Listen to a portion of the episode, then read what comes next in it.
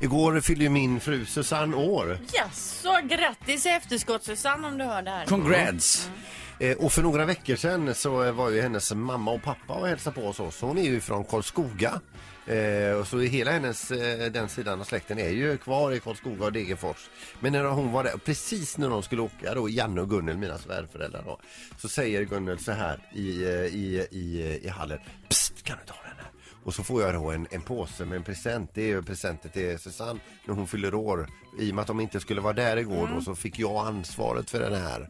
Eh, och de ger alltid varandra present. Eh, det är allt, vi byter alltid presenter på våra födelsedagar. Absolut, sa jag. Gömde den i ett skåp. Eh, och sen försvann det i huvudet. Helt och hållet.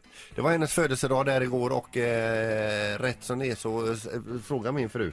Du, eh, du, du, du har inte fått något uppdrag utav eh, min mamma att... Eh, Alltså det är så att hon också vet Ja. att det är så här. Hon, hon känner dig så och bra. då tänkte jag så här, har jag fått några pengar utav Janne och Gunnel? Nej, det har jag inte fått. Och så försökte jag tänka, har de bett mig om någonting? Nej, men det kändes inte. Hundra gjorde det inte, men jag tänkte inte mer på det för att eh, jag orkar inte tänka på allting. Nej.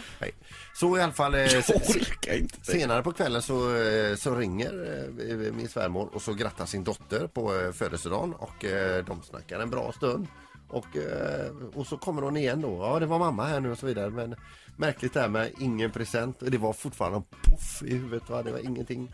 Och sen så får jag det här smset utav min svärmor 20 minuter i 10 igår kväll. Hej, har du gett Susanne presenten från oss som jag gav dig? Eh, och då kom jag på det. Och du, du visste vad du hade lagt i och allting också. Jag svarade henne, whoops, hon får den nu.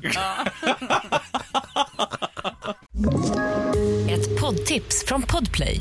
I fallen jag aldrig glömmer djupdyker Hasse Aro i arbetet bakom några av Sveriges mest uppseendeväckande brottsutredningar.